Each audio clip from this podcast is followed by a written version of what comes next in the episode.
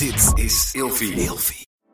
De overgang. 85% van de vrouwen tussen 45 en 60 jaar ervaart overgangsklachten.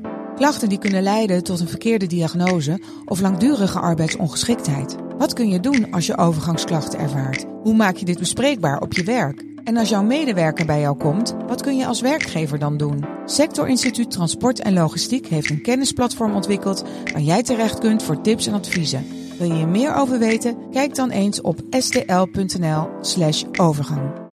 Eindeloos aan het woelen en draaien in de nacht en hou je je partner wakker? Het kan zomaar zijn dat je toe bent aan een nieuw bed. Gelukkig geeft Emma Sleep je nu 10% extra korting met de code RELATIEVRAGEN in hoofdletters. Op bijvoorbeeld de Emma Super Slaapbundel, waar je het bed gratis bij krijgt. Dus ga snel naar emmasleep.nl en bestel jouw bed.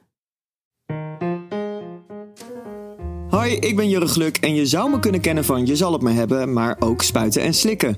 Daar heb ik namelijk de seksmobiel en Jurre's date gehad. En vandaag beantwoord ik de volgende vraag. Hoe bereid je je voor op de allereerste keer seks? Ja, dat is inderdaad echt super spannend. Nee, en dat moet, dat moet ik eigenlijk ook niet zeggen. Het is niet super spannend, het is vooral heel leuk. En ik denk dat je je er goed op moet voorbereiden dat het. Een, het is één groot experiment die eerste keer. Dus er gaan heel veel dingen fout, waarschijnlijk. En dat moet je omarmen en dat moet je leuk vinden. En ik denk dat je je vooral heel erg moet afvragen tot hoe ver wil ik gaan die eerste keer en waar voel ik me chill bij. Dus het gaat niet, weet je, het eindpunt is niet uh, penetratie, maar misschien is zoenen en knuffelen heel fijn en voelen en is dat al een soort van het eerste deel van je eerste keer.